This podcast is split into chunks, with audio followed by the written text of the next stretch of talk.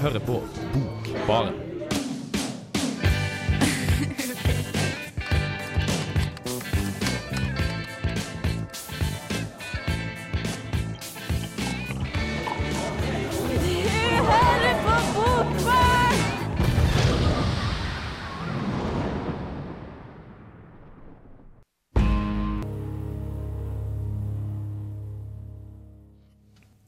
Ja, da er vi tilbake i studio. Eh, Du hører på Bokbarn. Og selv om vi åpna så fint med en låt istedenfor vår sedvanlige jingle, så er vi her like så mye. Kanskje enda mer, for dette er en ganske spesiell eh, sending. Vi har nemlig fått vårt nye medlem. Hei, Kristoffer. Hallo. Hallo. Har du lyst til å eh, nevne litt sånn kort hva du skal snakke om i dag? Jeg skal prate om en av mine favorittforfattere, som heter Charles Bukowski. Så bra. Mm. Uh, vi skal komme mer tilbake til det, men vi vil uh, holde litt på spenninga, da, for at uh, dere skal gidde å høre på oss uten her, i timen. Eh, men vi har jo andre spennende Det var det var ikke sånn for å si at dere ikke er spennende, altså, Ingrid og Maren. Nei, jeg er ikke fullt nå, Eline. Det går helt fint. Det går greit. Det går greit. Dere er litt old news, da. Jeg er jo i hvert fall det. Hvem vil begynne å s- presentere seg, skulle jeg si? Eller presentere sitt stoff? Ja, jeg kan, kan kaste meg ut, ja. Jeg skal ha om en eh, roman som heter 'Selvmord', faktisk, eh, av Edouard Levé. Ja. Eh, Og det som er litt spesielt, var at en annen bok som han har skrevet som heter 'Selvportrett', den snakket jeg om da jeg ble intervjua til Bokbarn. Så derfor så er det litt sånn Ja. spennende å ha en, en annen bok av han i dag. Men den handler jo i hvert fall om selvmord, da. Mm. Det er dystre greier. dystre greier, men på Det er en veldig dyster roman samtidig som den også, som jeg kommer tilbake til, eh, virkelig gir deg livsappetitt også, på en måte. Den er eh, litt spesiell sånn. Ja. Mm. Enn eh, du, Maren? Uh, ja, jeg hørte av Ingrid at hun skulle ha om selvmord, så da tenkte jeg at det var på tide å ta med A Long Way Down, som er en av mine gamle yndlingsbøker, og som handler om selvmord. Jeg tenkte å ta litt sånn temasending, litt trivelig, litt koselig, Ja, sånn for første gang til. Kristoffer. Ja, han eh, får sikkert et kjempefint inntrykk av eh, Ja, ja. Lyst til å ta livet av. Ja, ja, men altså, forskjellen er at denne selvmordsboka er faktisk veldig morsom, for det er Nick Hornby. Så man vil ikke Ah. egentlig dø av den. Nei, det er bra. Du, Nå ser jeg her at uh, vårt opplegg for dagen Det har ikke blitt sånn som vi trodde det skulle bli. Uh, så jeg tror at vi kanskje rett og slett skal begynne å snakke litt om uh, Bukowski. Kristoffer? Skal vi gjøre det nå? Ja, Ja. jeg tror ikke, rett og slett vi gjør det. uh, han ser litt ut som et troll, men han er en veldig hyggelig og omtenksom fyr. Mange Ja. som eh, har litt fordommer mot han, som tror at han er veldig mannssjåvinistisk og enkel. Men han, eh, han har veldig mange gode sider. Ja. Han skrev eh, seks romaner og 50 diktsamlinger og masse annet. Jeg skrev ting. en del. Skrev en del. Mm. Men du har, er det yndlingsbøkene du har tatt med deg nå, eller? uh, um, ja, det er vel det. Det er vel Hammond Rye, Ja. som er en semi-autobiografisk bok fra da han eh, vokste opp i Los Angeles på 1920-tallet. Enn den, eh, den Har du en til, eller? andre eller det- Ja, eller det var for at jeg trodde at utdraget mitt var for langt. Ja. Så um, er det en diktsamling som heter The Pleasures of the Damned. Oi, den var litt av en bok. En tjukk. Det er fra diktene jeg skrev fra 1951 til 1993. Så masse saftige godsaker i den boka. Hva er det som gjør at uh, nettopp uh, han er favorittforfatter, da? Eh, veldig kraftig i det at den eh, Språket er veldig jordnært, men det er sånn, av og til så kommer sånne små fyrverkeri som bare spriter på alt. Altså, eller korte bøker, men det er veldig mye som skjer. Mm. Spennende og god svart humor, som jeg liker. Han er jo kanskje mest kjent for uh, Pulp. Et, uh, Jo, det, det? det er vel den sjette uh, romanen hans. Ja. Um, det er en sånn krimroman. Skrevet samme året som en død. Ja. Ja. Eh, men det som vi skal høre på her nå, da, det er opplesning fra Hammond Rye. Ja. Vil du fortelle bare litt kort om det før vi setter i gang? Uh, ja, det er fra da han var rundt ti år. Da han uh, møter en fyr som har veldig lyst til å bli venn med men han uh, liker å være alene. Så møter han noen skumle gutter. That afternoon, after school, he found me and began walking along beside me. You never told me your name, he said. Henry, I answered. As we walked along, I noticed a whole gang of boys, first graders, following us. At first, they were half a block behind us. Then they closed the gap to several yards behind us.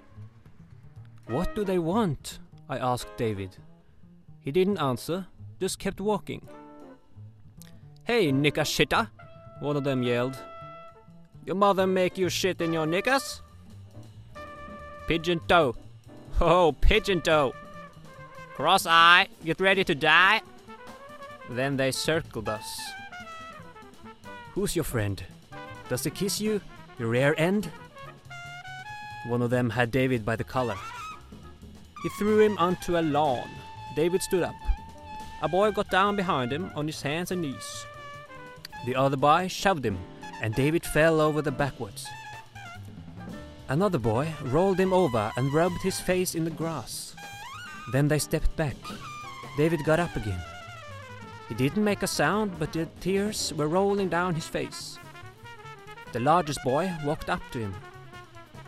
We don't want you in your school, sissy. Get out of our school. He punched David in the stomach. David bent over, and as he did, the boy brought his knee up into David's face, and David fell. He had a bloody nose. Then this boy circled me. Your turn now. They kept circling, and as they did, I kept turning. There were always some of them behind me. Here I was loaded with shit, and I had to fight. I was terrified and calm at the same time. I didn't understand their motive. They kept circling, and I kept turning. It went on and on. They screamed things at me, but I didn't hear what they said. Finally, they backed off and went away down the street. David was waiting for me. We walked down the sidewalk toward his place on Pickford Street.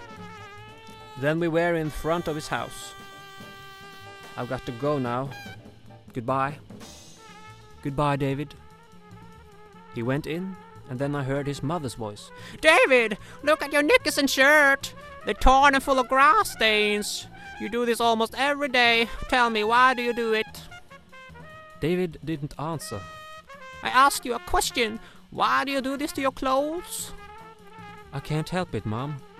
You can't help it, you stupid boy. I heard her beating him. David began to cry, and she beat him harder. I stood on the front lawn and listened. After a while, the beating stopped. I could hear David sobbing, and then he stopped. His mother said, Now I want you to practice your violin lesson. I sat down on the lawn and waited. Then I heard the violin. It was a very sad violin. I didn't like the way David played. I sat and listened for some time, but the music didn't get any better. Ah, the shit had hardened inside of me.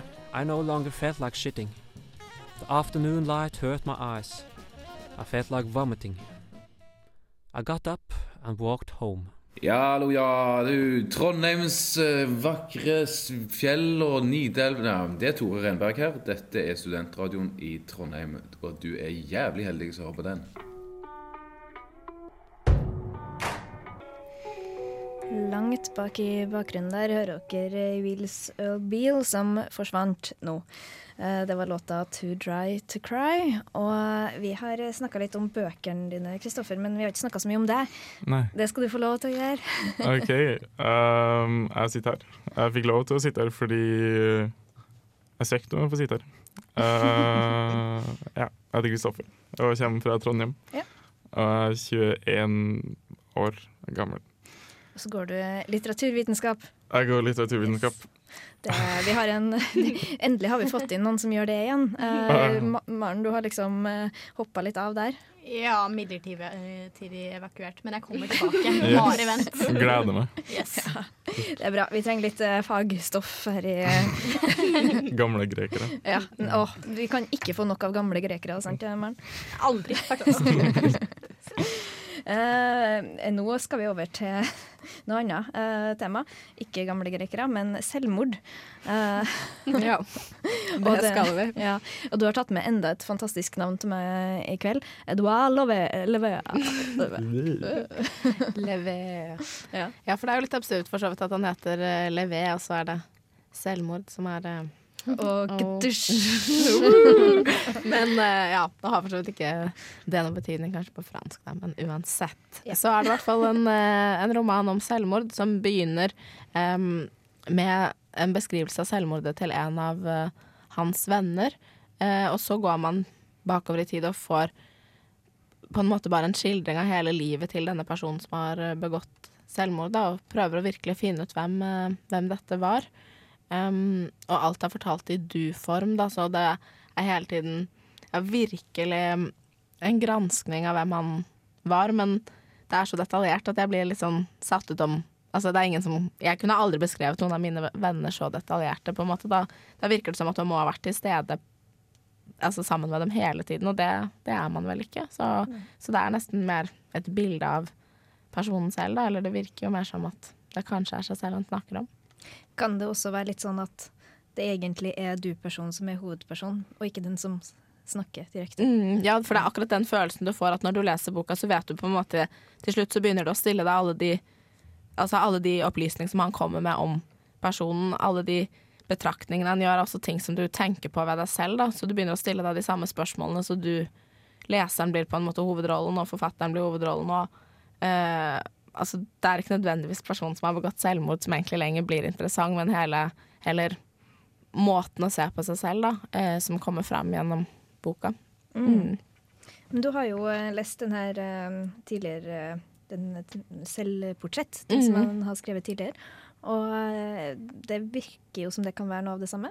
Ja, det er mye av det samme der også, men der er det jo eh, Det som er veldig likt med begge disse bøkene, er at det kommer så Det er så mange merkelige scenarioer man kommer opp i, eller så mange merkelige valg eh, som tas, men som er på en måte aktuelle valg eller aktuelle ting å bry seg om. Men det er ting som jeg aldri hadde tenkt eh, på i utgangspunktet. Men det er det som er så tydelig med disse bøkene, at her er det virkelig en som har satt seg ned og forstått hva livet handler om, eller hvilke ting man kan bry seg om. Da.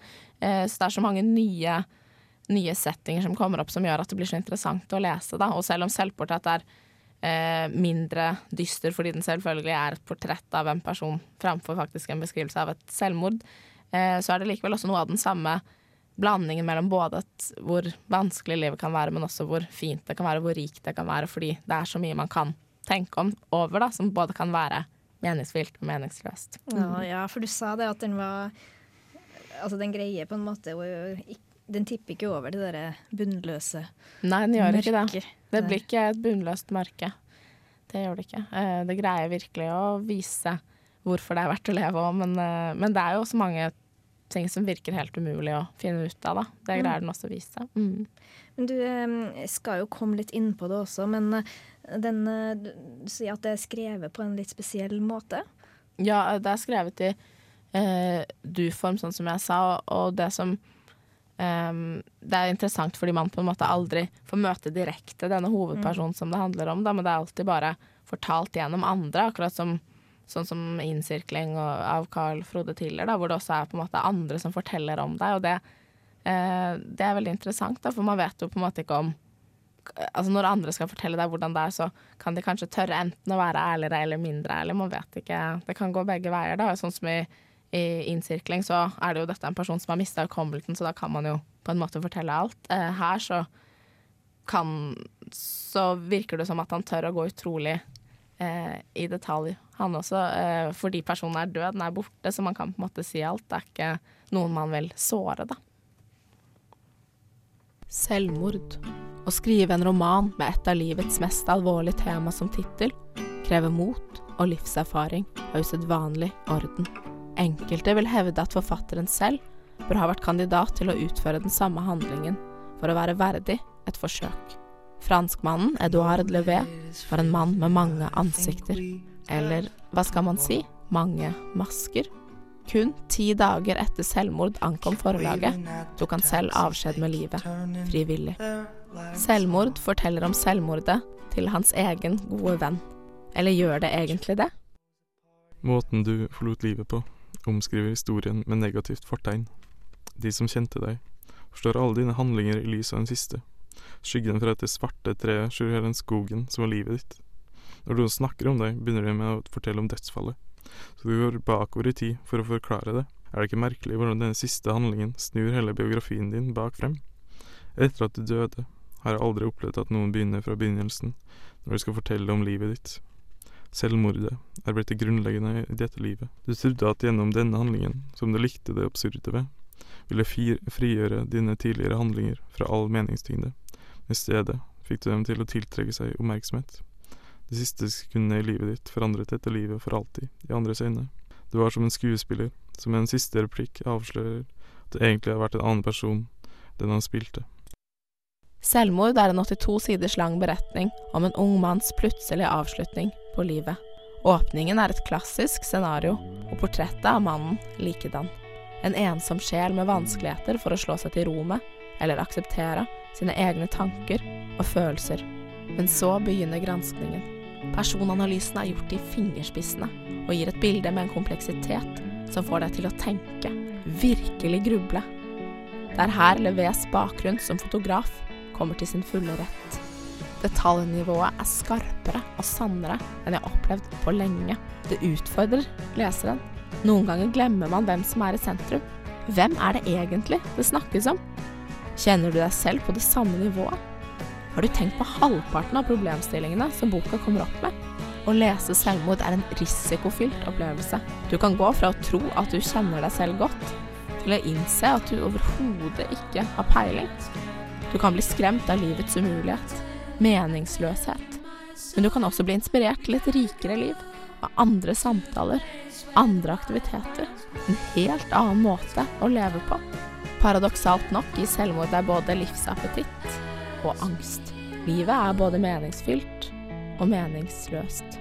Levé hadde en sjelden evne til å lese andre mennesker, og ikke minst til å lese seg selv. Beklageligvis ble verdiløsheten i overtall. Jeg heter Anne B. Ragde og er forfatter. Og når man er forfatter, så hører man selvsagt på Bokbarn så ofte man har anledning.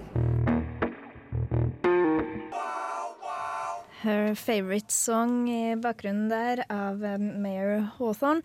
Du hører på Bokbarn eh, på Radio Revolt. Og vi har eh, vært innom litt forskjellig i dag. Vi har snakka om Bukowski og selvmord.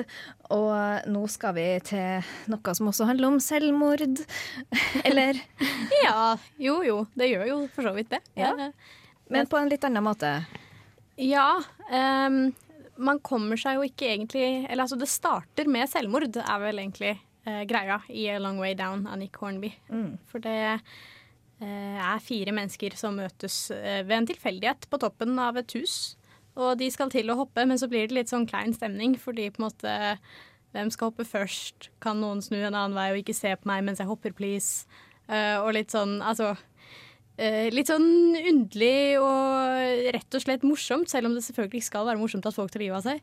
Eh, men så kan man liksom tillate seg å le av det likevel, fordi de tar ikke livet av seg. I hvert fall ikke der og da. Nei. Men eh, før, vi går inn på det, eh, kan du for, for eh, Når jeg hører denne tittelen og forfatteren, for så vidt, så tenker jeg at det her er noe som jeg burde ha hatt mye nærere forhold til enn jeg egentlig har. eh, og som sikkert er ganske mye mer kjent. Ja, for altså, Nick Hornby har jo gått gjennom flere faser, på en måte. Han har jo vært litt sånn prepubertal og skrevet mye om ikke, fotball og sport og oh. litt sånn musikk og andre teite ting. Oh, det er så rart vi ikke Men nå er han endelig kommet til følelsene, ja. uh, og det er det som er det viktige. Uh, Nei, men uh, det er jo mange som har påpekt at han på en måte har vokst som en forfatter og nå begynner å eh, tørre å ta litt ordentlig de seriøse temaene. Eh, Mm. Bortsett fra at han har gått tilbake igjen til å skrive om musikk igjen med Juliet Naked, men den floppet jo totalt, så den teller ikke. Eh, men eh, i hvert fall, eh, det er en bok som, eh, som av en eller annen grunn ikke får like mye plass i engelsk pensum som alle de andre Nick Hornby-bøkene. Uh, Du har ganske oversikt her, altså. Det må jeg si. Jeg er imponert. ja, nei, du vet, man er da ikke fangirl for ingenting. uh, men eh, ja, det er en eh, bok jeg syns at eh, flere burde lese, fordi den tar på en måte for seg mm, litt alvorlige temaer og eh, uten å falle helt ned i alle kjellere og fallgruver som finnes av Altså, jeg føler at I det øyeblikket du leser om depresjon, så må du på en måte sette deg ned, og så må du ikke tenke på noen glade tanker, og så må du liksom Det skal være så veldig dystert alt sammen. Og jeg tror at det fungerer litt mot sin hensikt, for jeg tror ikke man egentlig klarer å lære noe særlig av det hvis man kobler ut alle andre følelser, hvis du bare skal tenke mørke tanker hele tiden. Men den her var jo ikke sånn, forsto jeg. Og eh, sånn at den kunne bli egentlig litt for uh, lettsindig? Det kommer selvfølgelig litt an på hva det er han egentlig har villet. Og det er jo aldri godt å vite hvor en forfatter har ønsket å gå hen. Mm. Eh, men altså allerede i begynnelsen av boken så sier en av hovedkarakterene at uh, det er en no-brainer, det at han vil ta livet av seg. Altså, når livet går til helvete, så er det det man gjør, man tar livet av seg. Så han har på en måte satt stemningen veldig med at uh, det her er egentlig mye enklere enn det dere skal ha det til. på en måte. Mm. Og han bruker veldig mange sånn typiske karikaturer. Uh, sånn Det er veldig stereotypisk på ja. Eh, persongalleriet sitt. Ja. Og det gjør jo at det blir veldig vanskelig å gi på en måte din typiske fjortisjente en veldig sånn dyp, emosjonell sånn Altså. Ja, Så det blir faktisk en fordel? Det blir Ja, fordi det blir eh, Jeg tror det hadde blitt eh, litt skjevt, rett og slett, eller litt eh, urealistisk i, mm. innen stilen, dersom de plutselig hadde hatt veldig mange lag. Ja. For det, det, er som om man har laget en bok på skisseform, på en måte, og den funker veldig godt i sitt univers. Ja. Men når du hører det her, Ingrid sånn, Du har jo ikke lest den boka, kanskje, men hvordan høres den ut sammenligna med din bok? Nei, altså Det er eh, Selv om jeg sa i stad at min bok ikke bare er dyster, så er den jo virkelig mye mer dyster enn det her, ja. da. Eh, det er jo Hovedfokuset er jo at det er en, er en trist handling, på en måte. At det er, faktisk er en person som har begått selvmord. Og man får jo inntrykk av at kanskje når man, går, altså når man virkelig blir kjent med personen, at man kunne stoppa denne handlingen, da. Og, um, så så det, jeg vil ikke si at det er sånn De tuller ikke med det, på en måte. Det er jo bare at ved å gå i en altså Når du gjør en personanalyse av en person, så vil det jo komme opp noen gode ting også. Det er det som på en måte er hovedpoeng som gjør at du også får lyst til å leve av boka, på en måte. Fordi du kommer inn på så mye forskjellig. Men den er jo i utgangspunktet trist. Den er jo i utgangspunktet utrolig. Også fordi det er den linken som jeg sa i saken min med Eller i anmeldelsen min med, med at faktisk forfatteren begikk selvmord selv da, etter at han leverte Eh, denne boka til forlaget sitt, så tenker man jo veldig personlig på det, da. Ja. Eh, så det er jo hovedsakelig trist, er det absolutt. Yes, du har sikkert lest flere bøker av han eh, Nick Hornby, Maren? Ja, ja, det har jeg jo. Er det, liksom, er det mye det samme, samme stilen? Altså, han har jo en veldig typisk sånn Hugh Grant-karakter som går igjen i sånn cirka alt han skriver. Så han har jo én mannlig karakter, da, i hvert fall, som som regel er den samme. Ja. Men Eh, men jeg syns han nærmer seg litt annen tematikk her, i tillegg til at eh, den er på en måte litt mindre kynisk enn mye annet ofte kan være. Vi skal høre mer på det etter eh, Crystal Stilts med låta 'Future Folklore'. Du hører på Bokbarn på radio Revolt. Can I explain why I wanted to jump off the top of Tower Block? Of course I can explain why I wanted to jump off the top of Tower Block. I'm not a bloody idiot. Can't explain it because it wasn't inexplicable. It was a logical decision, the product of proper thought. Wasn't even very serious thought either. I don't mean it was whimsical. I just mean that it wasn't terribly complicated. Det er nyttårsaften i London, og den karismatiske eks-TV-stjernen Martin sitter på taket av en høyetasjesbygning og drikker på seg mot til å hoppe. En sexskandale med en mindreårig har gjort ham til en av Storbritannias mest foraktede menn. Men han får ikke sitte lenge i fred. Maureen, en enslig middelaldrende mor til en sterkt handikappet ung mann, har planlagt sitt selvmord fra dette taket helt siden mai. Mens de to står og diskuterer hvem som skal få lov til å hoppe først, blir de avbrutt av en ung, skrikende jente. Hun stopper verken for å tvile eller diskutere, men løper så fort hun kan. Hun har bare ett mål her i livet, nemlig å avslutte det så fort som mulig.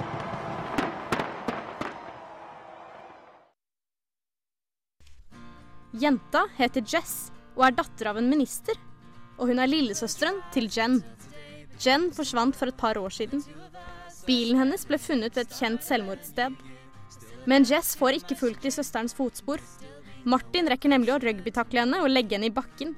Han blir sittende oppå henne for å hindre henne i å kaste seg utfor. Og så, idet man skulle tro at situasjonen ikke kunne blitt mer absurd, kommer et amerikansk pizzabud. Han heter JJ, og han har kommet for å hoppe. Bandet hans er blitt oppløst.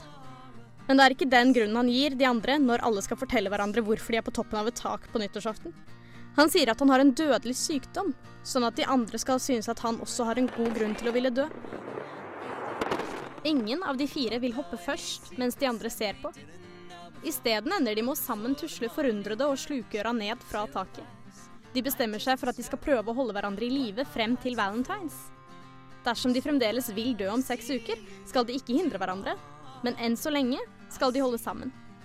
De blir en slags usannsynlig klubb. Det deprimerte firkløver. Eller, som Jess sier, selvmordets svar på The Beatles. A Long Way Down av Nick Hornby er først og fremst noe så sjeldent som en hylende morsom bok om selvmordstanker. Hornby leker seg med kjente stereotyper, og fordi synsvinkelen skifter fra person til person, får han full uttelling for de fire snåle figurene sine. Ettersom kvartetten er suicidale fra begynnelsen av, har de ingenting å tape. En slags fandenivoldsk, nærmest krampaktig holdning til det som kan være deres siste seks uker igjen av livet, åpner for et hav av rare, triste og morsomme situasjoner. Boken er upretensiøs, varm og fin, uten å bli sentimental eller kvissete eller på noen måte gi selvhjelpsassosiasjoner. A Long Way Down er lettlest, men ikke lettglemt. Keep Shellin Athens, eh, det var bandet, og uh, Nei, det var låta. Det var låta, og bandet er Flyway. Uh, merkelig navn på en låt, men det er det. Vi snakka om uh, Nick Hornby og um, boka 'Long Way Down', og så kom det frem at Kristoffer og Maren, dere har lest eh, en annen boka som er forfatter. Begge to. Og det er jo alltid stas i Bokbarn når noen har lest samme bok. Ja. Det skjer ikke for ofte. Yes, vi har lest uh, Juliet Naked, begge to. Begge to. Og High Fidelity. Og High Fidelity. Stemmer. Ja. Har du lest Tribunefeber? Jeg har lest Tribunefeber. Her Har du kjempa deg om den? Du som sikkert ikke er glad i fotball. Uh, ja, jeg må innrømme at det er vel kanskje den av bøkene hans jeg er minst glad i. Men det skal også sies at jeg ble tvunget til å lese den i 10. klasse av en mann som ville at jeg skulle bli mer glad i fotball. Uh, Eh, så ja. Jeg var vel kanskje ikke veldig positivt innstilt. Gymlæreren din. Uh, ja. Hva var det? Ja. Oi, For han, han var liksom både gymlærer og litt norsklærer og litt sånn alt. Og så mente han at sånn Du liker å lese, les deg til fotballglede! Og jeg bare øh, nei. Du likte den, Kristoffer. Jeg likte den, men det er jo fordi eh, min mørke lille hemmelighet blant eh, bøker er at jeg ikke Ja, jeg er fotballbøker. Oi, det sa du ikke på opptaket, det er jeg helt sikker på. Eh, så den er vel også Det handler vel om uh, Arsenal, som sikkert dere syns er veldig spennende. Om uh, at de vinner seriegull én gang. Ja. Mm. Og så snakker Nick Hornby om det, for at han sleit seg gjennom uh, fæle år. Snakker om fotball, det skal vi ikke. Vi snakker om bøker. Ja, men eh, bøker om fotball Men klarer en fremdeles å være handle om andre ting også, eller? Eh? Eh, du ser for dere fotball med Min kamp. Uh, så uh, det handler litt om kjærester som besvimer på fotballkamper, Ja, og om at det er så forferdelig å ha dem med. Og om forholdet til faren, og at han tok med på kamper. Og Ja. og hei. Ja. Mm. Det var noe koselig, da. Mm. egentlig.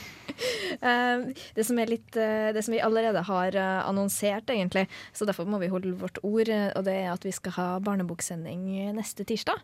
Eh, jeg skal ikke være her da, så det får være dere styre med. Har dere tenkt på det ennå? Uh, ja, nå prøver jeg febrilsk å stirre på de to andre, men begge to bare den, jeg? Jeg var litt slem, jeg vet det, men dere Alle er vel litt sånn i tenkeboksen på å prøve å tenke på hva vi, eh, hva vi likte da vi var små, eller, eller om man har lyst til å ta noe nytt som kommer nå, da. Ja. Eh, det var litt vri kanskje at noen tar noe som, eh, eh, som man likte da man var små, og noen som ja, tar dagens barnebøker og ser litt på dem. Men, eh, men det er i hvert fall bøker som har betydd mye for, eh, for meg i løpet av livet, så, eller i mine første leseår, så, så jeg burde jo kanskje ta noe av det. Men uh, Roald Dahl hvert fall har jeg tenkt litt på, men jeg må, oh, se om, må se om jeg gjør det eller ikke. Men uh, det er i hvert fall gode minner. Jeg husker jeg Ja. leste Matilda, og da måtte jeg lese Matilda høyt, for jeg greide ikke å lese inni meg da. Så det. Så leste jeg ved siden av søsteren min som satt og leste en annen bok inni seg, men det, det var sikkert fint, det. Men ja. Jeg har lest, eller jeg har vel egentlig lest flere, da, men den jeg husker best, er 'Verdens største fersken', tror jeg den het. Det var ikke jeg har lest det, faktisk. Og, den er kjempefin. Og så to- handler det om en gutt som eh, finner verdens største fersken, og så har han to sånne fæle tanter han bor hos, og så rømmer han i ferskenen. Og fin, får han dyr til venner, sånn åma og sånn. Det hørtes kjempebra ut. Men jeg hørte noen rykter om en, eh, noe som involverte en grevling og, en, eh, og avføring. Eller hva, hva var det? Muldvarp! Du må følge med, Line. Jeg sa grevling i sted, så ingenting. Eh, ja, det handler om en grevling og en bæsj som er glemt eller uh, ikke skjønner hvor har kommet fra. Oi. Ja. Spennende. Mystisk krimbok på barn. Ja, det, er, det, er, det blir bra hvis du har med den på fredag. Nei, tirsdag. Tirsdag. Tirsdag er det vi har eh, sending. Ja, men uh, kanskje vi skal bare, for, for, fordi vi bruker å gjøre det, ta en liten oppsummering av kveldens uh, sending, da. Uh, vi begynte med Bukowski. Den skal vi kanskje Kanskje vi får høre mer av utover? Vet ikke. Kanskje, kanskje. Ja. Mhm. Har du no- tenkt Det er ikke sikkert du har tenkt så langt, men uh, har du noen andre bøker du vet at du har lyst til å ta med Jeg har jo masse, masse, masse bøker. Jeg Ja. har vel 50 diktsamlinger ish. Skrev jo bøker, og så drakk jeg en øl, og så gikk han for å sove. Litt sånn som oss i Bokbarn. Ja. Bare at vi leser bøker i stedet. Mm. En uh, Maren, du hadde med uh, 'Long Way Down'. Det var, var jo en oppfordring. Til, og også en anbefaling og en oppfordring og alt. Det var absolutt det. Dessuten så fikk jeg ikke sagt noe av det viktigste, som er at det handler litt grann om en engel som ser ut som Matt Damon. Uh, så man er faktisk nødt til å lese den også derfor. Ja. OK. Eh, nå overtalte du meg, takk. Takk, vær så god. det var viktig at du fikk sagt det. Ja, det var det jeg Sånn sa. Nå ble jeg liksom lettet her. Uh, Ingrid, eh, selvmord, er det, en, er det, er det, det, kanskje, er det en anbefaling for alle? Eller er det, er det for litt for spesielt interesserte, eller er det for ja. Jeg tror det er for de som har lyst til å virkelig finne ut hva Finne ut hva, man kan, hvilke valg man kan ta i livet på de merkeligste ting, men likevel få mye ut av livet på detaljnivå, da. På, ja, litt spesielle detaljer. Men eh, alle vil vel egentlig det, men uh, ja. uh, det er i hvert fall spennende hvis du har tid til å, til å tenke over de store detaljene i livet. store og små detaljene er det kanskje. Å, vet du, det der det var så klassisk bokbarn som det kan bli. Jeg håper vi får mer gullkorn.